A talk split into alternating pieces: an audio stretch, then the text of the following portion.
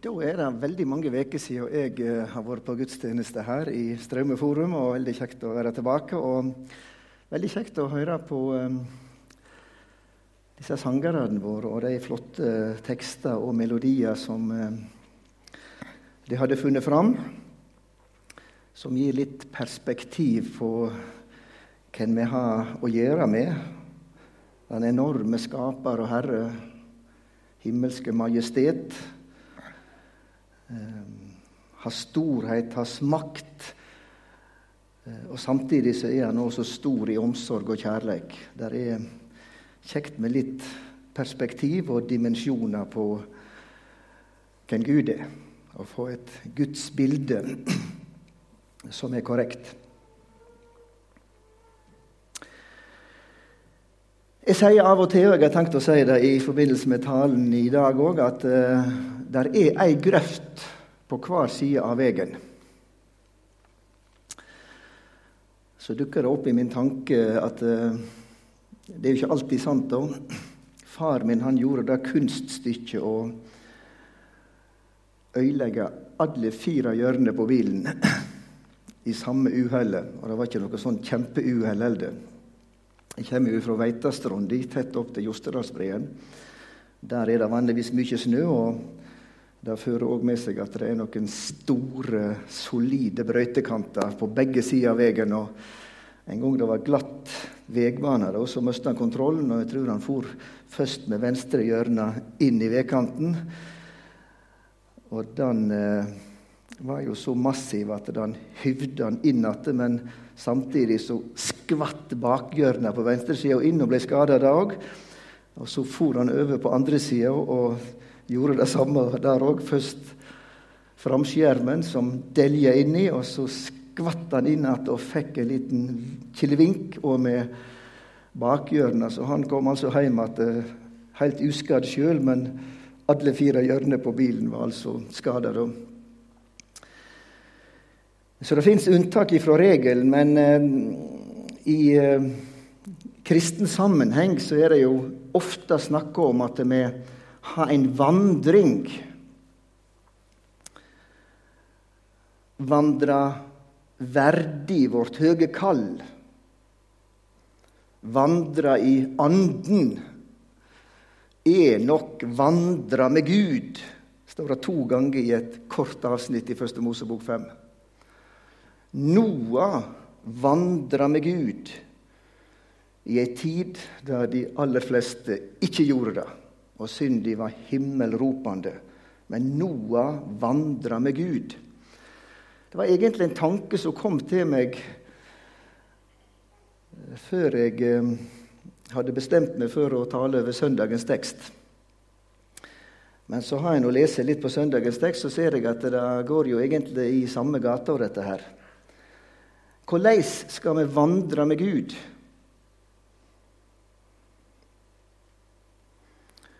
Er det noen farefulle grøfter når det gjelder vårt kristenliv og vår vandring framover? Ja, sier Bibelen. Og det er det som er poenget mitt her. Eh, det er ikke bare ei farefull grøft på den ene sida av veien, men det er òg ei farefull grøft på hi sida av veien.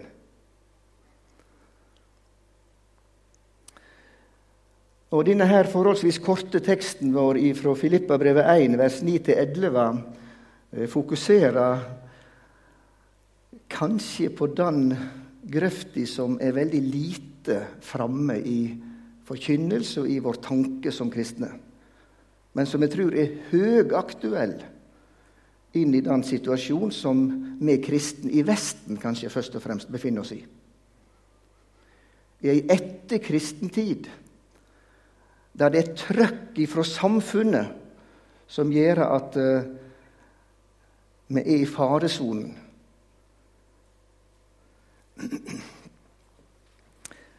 La oss lese sammen preiketeksten for denne søndagen her. Filippabrevet 1, 9-11. Eh, det er jo Paulus som har skrevet Filippabrevet, og det er jo ofte et brev som blir kalt et gledesbrev. Et gledesbrev fra ei fangecelle. Paulus befinner seg sannsynligvis som fange i Roma. Og så skriver han til denne menighet, som faktisk òg er i Europa, i Makedonia, altså i det gresk-makedonske området. Og dette er ikke noe kampskrift. Dette er ikke noe galaterbrev der Paulus umiddelbart går inn på den forferdelige vranglære som rett og slett er i ferd med å ta nåden vekk fra religionen. Og Det er heller ikke noe første korinterbrev der Paulus tar for seg mange konkrete områder, både på det moralske området og det læremessige området. Og, eh, og skal undervise dem og tale dem til rette fordi det er partistrid. Bror fører rettssak mot bror for verslige dommere. Bare tullball i forbindelse med nattværfeiring og kjærleiksmåltid, som de òg praktiserte. Og når det gjelder nådegavebruk, så var det mye rart. Eh, sånn er ikke Filippa-brevet i sin helhet, i alle fall. Eh, tvert om så ser vi at dette her med glede det, det går gjennom brevet. Og, og det er en veldig fin forbindelse mellom denne menigheten og Paulus. Du kan jo bare lese helt i begynnelsen, her, rett etter presentasjon og nåde og fredsønske fra Paulus. er takker takker min Gud så ofte som jeg tenker på dykk. Alltid når jeg ber, gjør jeg min bønn for dykk alle med glede. For fra første dagen og like til nå har de hatt samfunn med meg i arbeidet for evangeliet. Og Seinere skriver han om at det er ingen menighet som på samme måten som det har holdt rekneskap over det de har mottatt, og det de gir.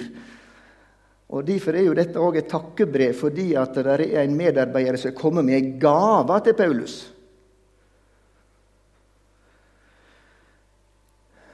Og allikevel så eh, har Paulus noe farefullt å peke på til denne her kjærlige, varme, omsorgsfulle kristne menighet. Og nettopp derfor er det vel at det er kommet inn i dette brevet denne sak som jeg gjør til en hovedsak i talen min. Da, da er det tid for å lese fra vers 9.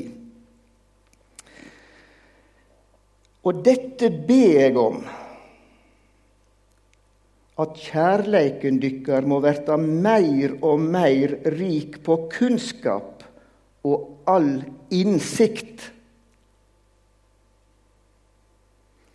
slik at de kan døme om hva som er rett i de ymse spørsmåla, så de kan stå reine og uten lyte til Kristi dag, fylte av rettferdsfrukt ved Jesus Kristus, Gud til lov og ære.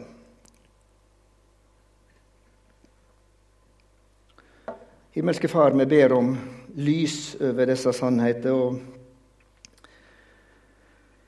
hjelp til å leve i den tid som du har sett oss til å vandre som kristne. Til hjelp for vår forsamling, Herre, og den verden vi lever midt i. Amen.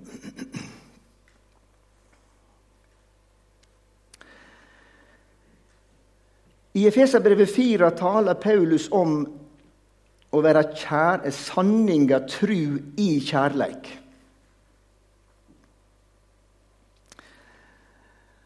Så han, eh, Det er jo først og fremst uh, sannhet som skal gjøre oss rotfesta og grunnfesta, som han løfter fram der. Men så skyter han inn å være sanninga tru i kjærleik.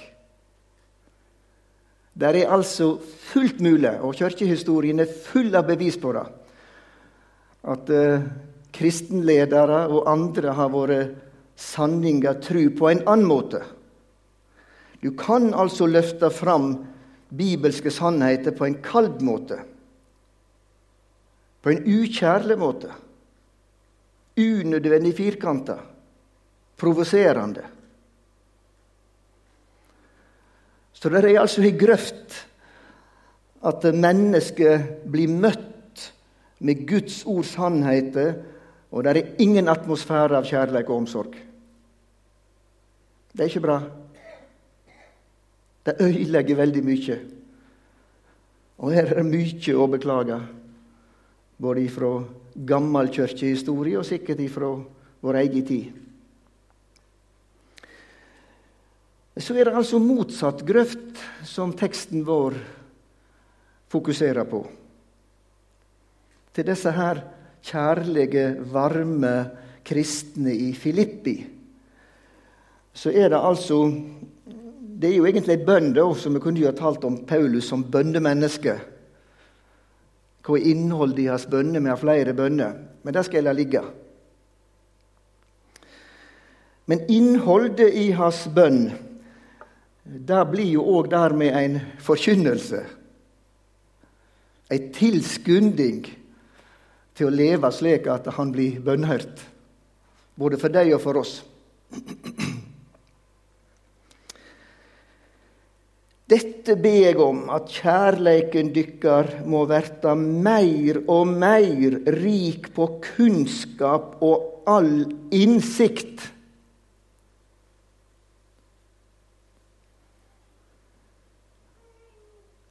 Er det mulig å ha kristen kjærleik uten å ha bibelkunnskap og innsikt i kristendommen? Ja, det er det. Og det er en fare. Og jeg tror det er en stor fare i vår tid.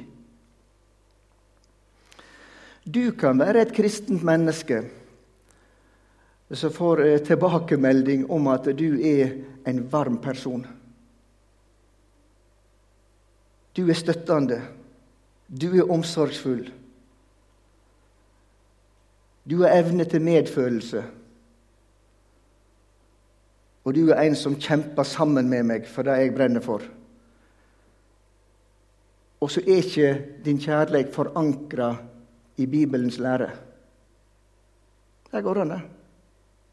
Og jeg tror vi ser masse av det.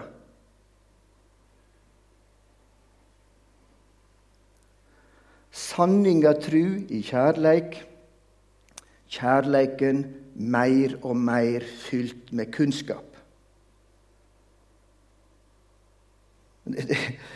I, I, den greske teksten der så er det nesten en sånn overdrivelse at det er ikke det å oversette slik som det står. Kjærleiken deres må verte enda mer og mer rik på kunnskap og innsikt. Så enten må du bestemme, bestemme deg for å si mer og mer rik på, eller så må du skrive enda mer rik på. Men, men teksten han er altså enda mer og mer rik på kunnskap og innsikt. Altså en vedvarende hunger etter å få innsyn i Guds ord. Og grunna på Herrens lov dag og natt heter det i Salme 1. Da blir du lik et tre som er planta ved rennende bekker. Bladen visner ikke. Det bærer sin frukt i rette tid. Ja, det er et stykke arbeid. Det krever tid, og du blir aldri ferdig med det. Ja, så òg din kristne kjærleik mer og mer blir prega av at du er grunnfest i Guds ord sannheter. Det, det er Paulus sitt bønneemne for disse her flotte medarbeidere i Filippi.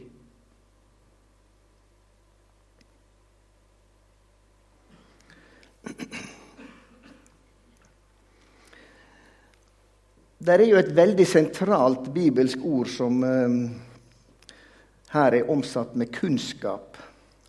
Gnossis. Noen av dere kjenner til det. Du finner det i gnostisismen, som etter hvert ble jo vranglære. Da, men, men det blir ofte omsatt med kunnskap. Men det er mye videre enn det. Det er jo ikke noe evangelisk aksjon, så kanskje vi skal lese litt ifra en kommentar, ei gresk-norsk ordbok. Um, i tillegg til substantivet gnossis så har du òg ginosko, et tilsvarende verb. Å kjenne, å vite, å forstå, å erkjenne osv. osv. Du kan bare høre litt. Du må ha litt grovbrød her òg. Eh, verbet gynosko betyr å vite, kjenne, forstå, ha kjennskap til og innsikt i. I Bibelen omtales kunnskapen gjerne i forbindelse med Gud, og betegner det ikke bare erkjennelse, innsikt og viten rent teoretisk og kunnskapsmessig, men i like høy grad erfaring, et personlig kjennskap. Ordet ginosko betegner ofte et intimt og fortrolig forhold mellom to personer. I særlig grad gjelder dette gudsforholdet. Men det gjelder faktisk òg i ekteskapet. Josef levde ikke seksuelt sammen med Maria før Jesusbarnet var født. Og da har du dette verbet som ofte blir eh, oversatt med 'å kjenne'. Så her er det ikke bare teoretisk kunnskap, men er noe som skal bli en relasjon, et kjennskap, en erkjennelse. Veldig innholdsrikt. Og Det som er interessant her, det er at eh, det er putta på en preposisjon epi, slik at det blir ytterligere forsterka.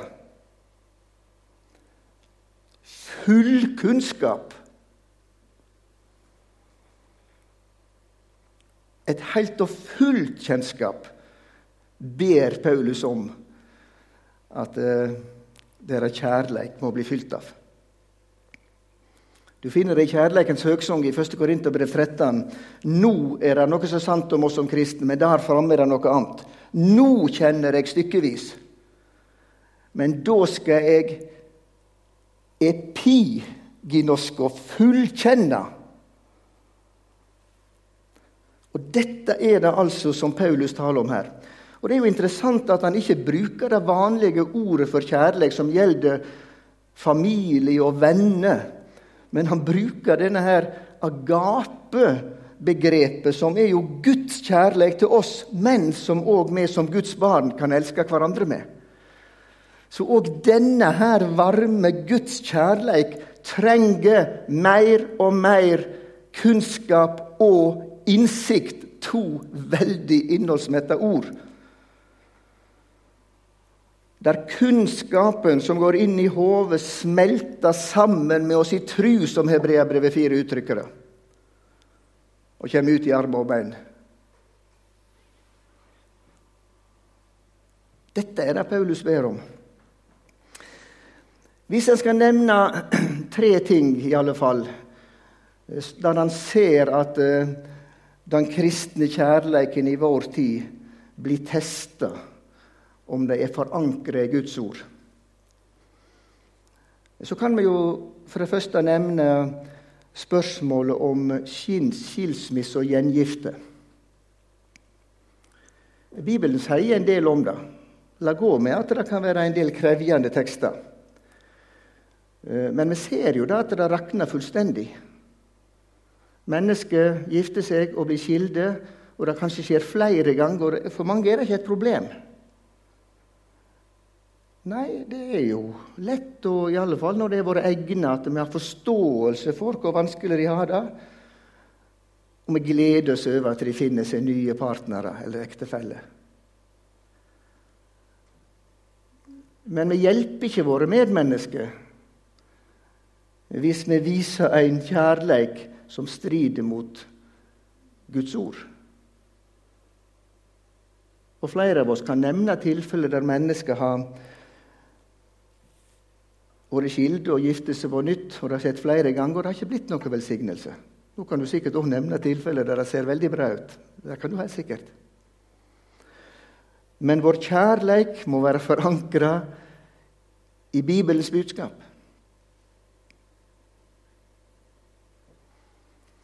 Vi har jo eh, homofilisaken, og der er det veldig, veldig lett gjort at vi er sannhet i tru, uten kjærleik. Uten medkjensle og forståelse med de som sliter. Det er et faktum at etter syndefallet så har vi en syndig natur, hele gjengen. Og selv om vi er fødte på nytt, så har vi fremdeles den syndige natur. Og jeg har mine ting å slite med pga. dette der, og du har dine ting å slite. Og òg de som har en homofil legning, har helt klart store utfordringer i livet. Og samfunnet kan jo reagere på sin måte. Men spørsmålet er kan vi som kristne og som menigheter følge samfunnet og deres lovgivning. Ja, det blir en prøvelse for oss. Og vi ser jo utviklingen i Den norske kirke.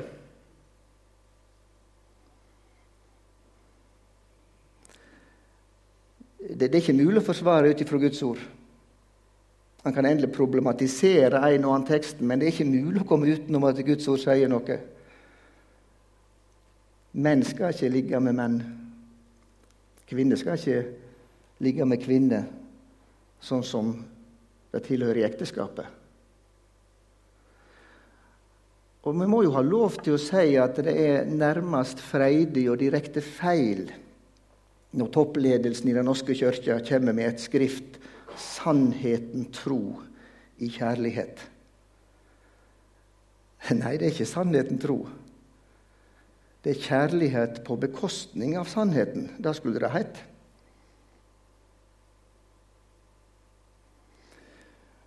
Hvor langt er kommet inn i våre sammenhenger og i bedehusmiljøet, det er vanskelig å si, men en undersøkelse viser jo at det er jo litt forskjellige meninger hvordan vi ser på dette her.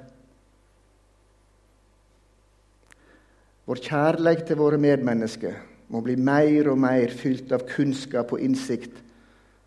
Eller så forfører vi våre medmennesker. Det er ikke det vi er kalt det. Vi skal elske dem med Guds kjærleik, men vi skal være bundne til Guds ord. En annen sak som har jo blitt aktuelt òg i bedehuslandskapet vårt, det ser vi jo i den kristne dagspresse, det er dette med såkalt tjenestedeling, eller det som tidligere ble kalt kvinneprestspørsmålet. Eh, ikke bare i Den norske kirka, men i stor utstrekning i frikirkelighet i Norge, så har jeg jo lagt merke til at ting har endret seg voldsomt. Og, og, Vi kjenner jo til at dette òg er jo et aktuelt tema inn i våre bedehusforsamlinger. Eh, han kan jo bli helt lei seg, oss som er jo litt eh, halvgamle og heilgamle. Når vi tenker tilbake på årsmøte og høstmøte, storsamlinger med foredrag og bibeltimer. Karl Fredrik Wisløff, som han gav oss kjenne. Hvordan han da talte om eh, tidsånden, situasjonen i samfunn og kirkeliv.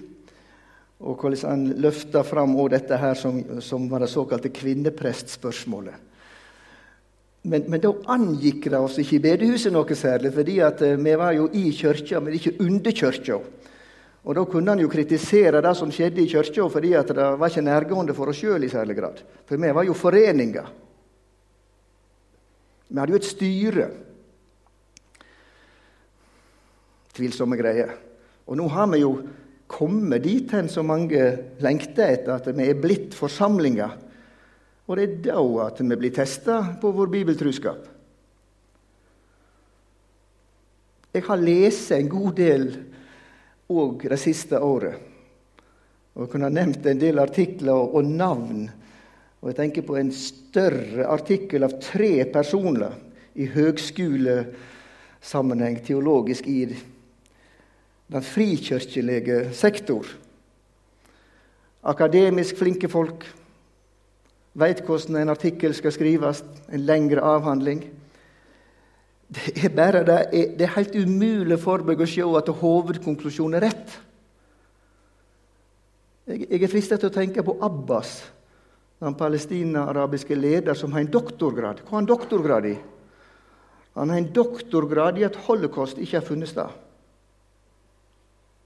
Er det mulig? Hva skal de tenke, de som gjennomlevde holocaust?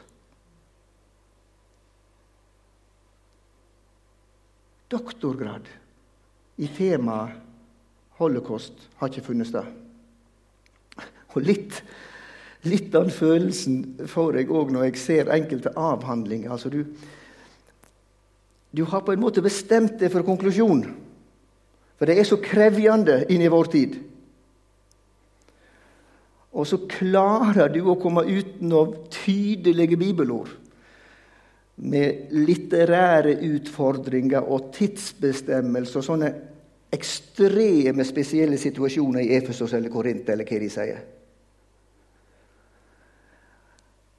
Så du klarer å, å, å legge et teppe over flere klare bibelord på den måten. Og så er det andre ord som du maksimerer utover alle grenser. Jeg kan jo bare nevne et eksempel.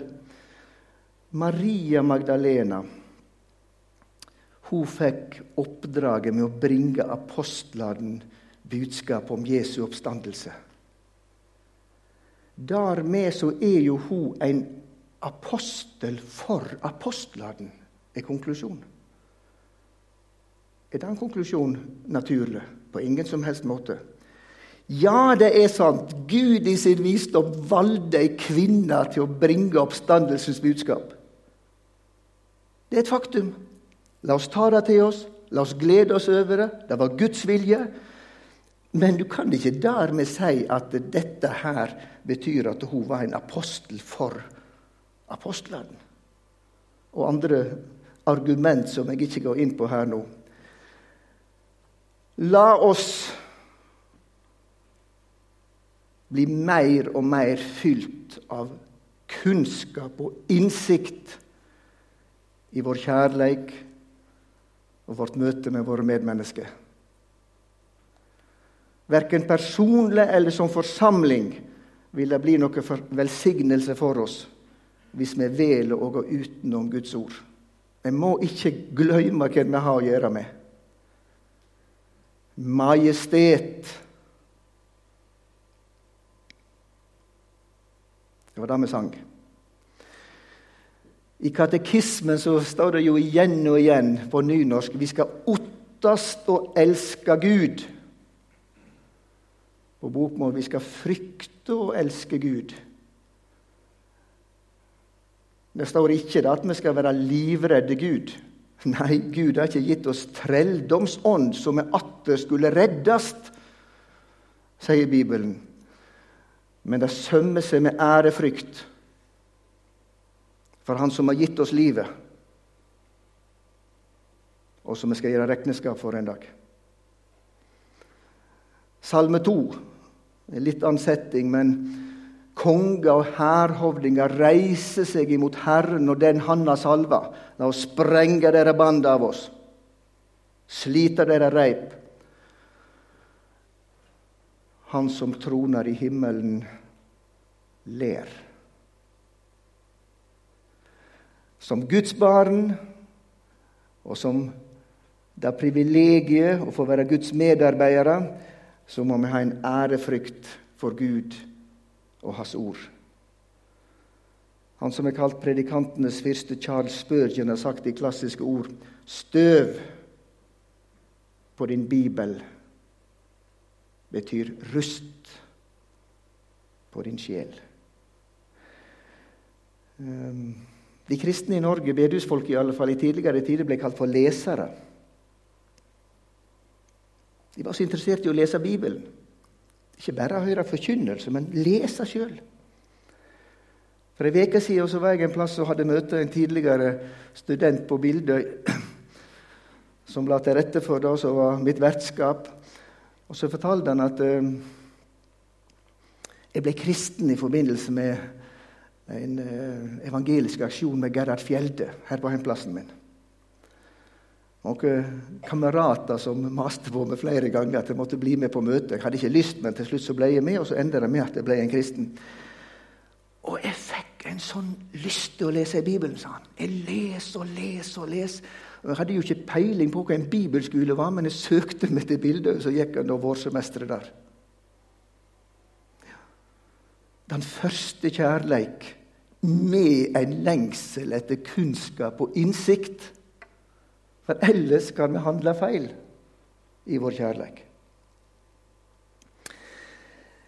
Ja, der er mange fortellinger i Bibelen.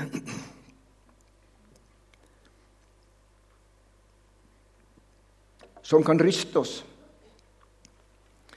Jeg ser jo bare vi har en bibelleseplan på bibelskolen at hvis du føler den, så leser du i løpet av et skoleår gjennom hele Bibelen. Og så har vi jo noen sånne oppgaveskrivinger der de skal si litt om sitt gudsbilde. Både når de kommer, og i slutten av vårsemesteret. Og det som ofte kommer fram da, det er at de har blitt rysta av å lese gjennom hele Bibelen. Det er ikke rart. Og deres gudsbilde er blitt kraftig forandra. Han er ikke bare en snill bestefar som deler ut camphordrops, som bare er nådig. De leser ting i Det gamle og Det nye testamentet som, gjør at de blir helt forskrekka. Og det bør vi alle bli. Gud er Gud om alle land lå øde. Gud er Gud om alle mann var døde. Han gjør det som han vil. Han trenger ikke å spørre styret eller eldsterådet i forsamlingen her til råds, eller pave eller biskop eller noe som helst. Gud er suveren. Men i sin kjærleik er det han møter oss med Guds ords sannheter. La meg bare nevne noen eksempler. Jeg må gjøre det veldig fort nå, men det er noe som kan ryste oss litt. Og vise oss hvordan Guds ord har gyldighet.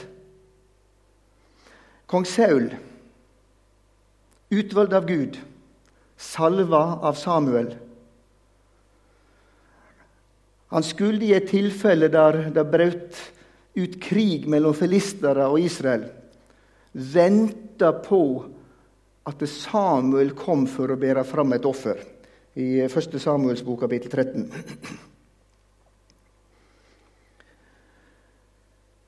Men uroen bredde seg. Fienden nærma seg.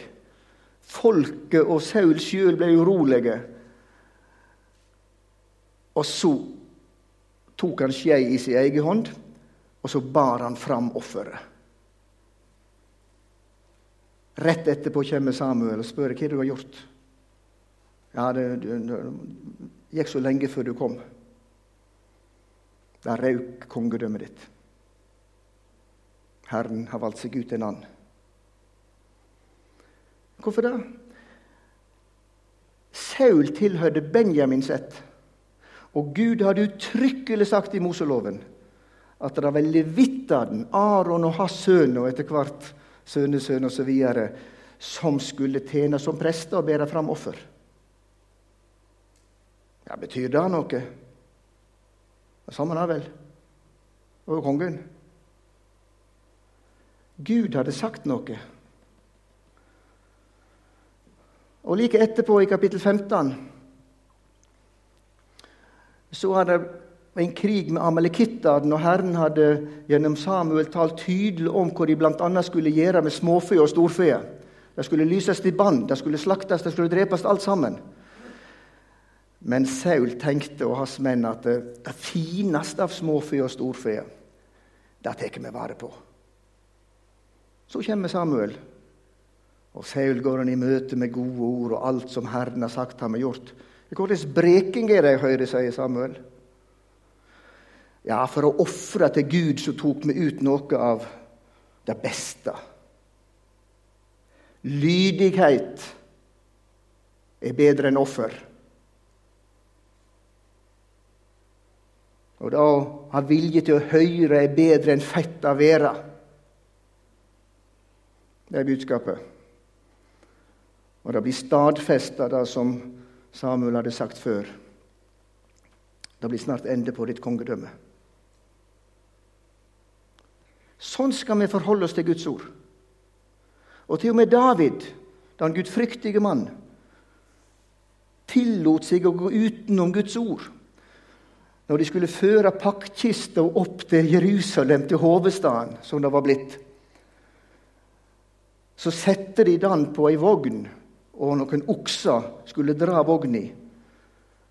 Og det var jo sang og musikk og glede av en annen verden. Men så ble oksene litt ustyrlige, så er det en av de som heter Ussa, som tar borti paktkista for at ikke den skulle bli skada.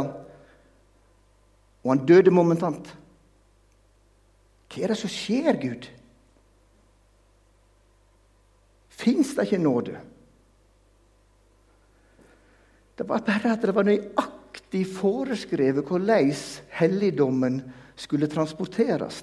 Og pakkkista den skulle bæres i noen spesielle bærestenger som var smøgde inn i ringer. Og de skulle bæres av levitter. Alt som før er skrevet, er skrevet oss til lærdom, skriver Paulus i Det nye testamentet. Det er en tendens til å si ja, Det gamle testamentet og den sinnataggen av en gud i Det gamle testamentet nei, han er vi ferdig med. Etter Jesus kom, så ser vi annerledes på det. Det holder ikke i forhold til en hel bibel. Det holder ikke i forhold til det Jesus og apostlene sier om Det gamle testamentet. De hellige gudsmenn talte drevne av Den hellige ande. Ikke en prikk i lova skal forgå, sier Jesus. Jeg kunne nevnt flere sånne eksempel. Vi må ha ærefrykt for Guds ord, folkens. Og så sant du kan lese innaboks, og det gjør det sikkert hele gjengen her, så har du et ansvar for å mer og mer skaffe deg kunnskap og innsikt i Guds ord. Med ansvarsfulle vesen. Gud skal kreve oss til rekenskap. Men Paulus ber for sine medkristne og underviser om at det er mulig å leve et liv som Noah i en vanskelig tid, som deg og meg i den tid som vi lever. Slik at jeg kan døme om hva som er rett i de ymse spørsmåla, så det kan stå reine og uten lyte til Kristi dag, fylt av rettferdsfrukt ved Jesus Kristus, Gud til lov og ære.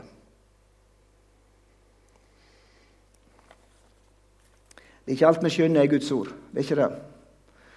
Jeg husker Det var sterkt å høre på gamle Bernhard Eide, som var jo prest og bibelskolelærer i Sesunds gate. Han fortalte om Billy Graham.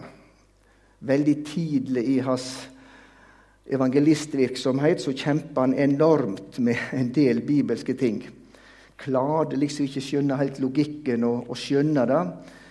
Og det var virkelig et problem for han. Og Han fortalte han var vel ute og at er tre der. Og så ender det med at han bøygde sine kne og sa Gud, det som står i ditt ord, både det jeg skjønner og det jeg ikke skjønner, jeg vil ta det valg og bøye meg for ditt ord. Han skulle få ei rik tjeneste til stor velsignelse. La òg han få være et eksempel til etterfølgelse for oss. Vår kjærleik mer og mer fylt med kunnskap og innsikt. Kjennskap til Gud og Hans ord. Amen.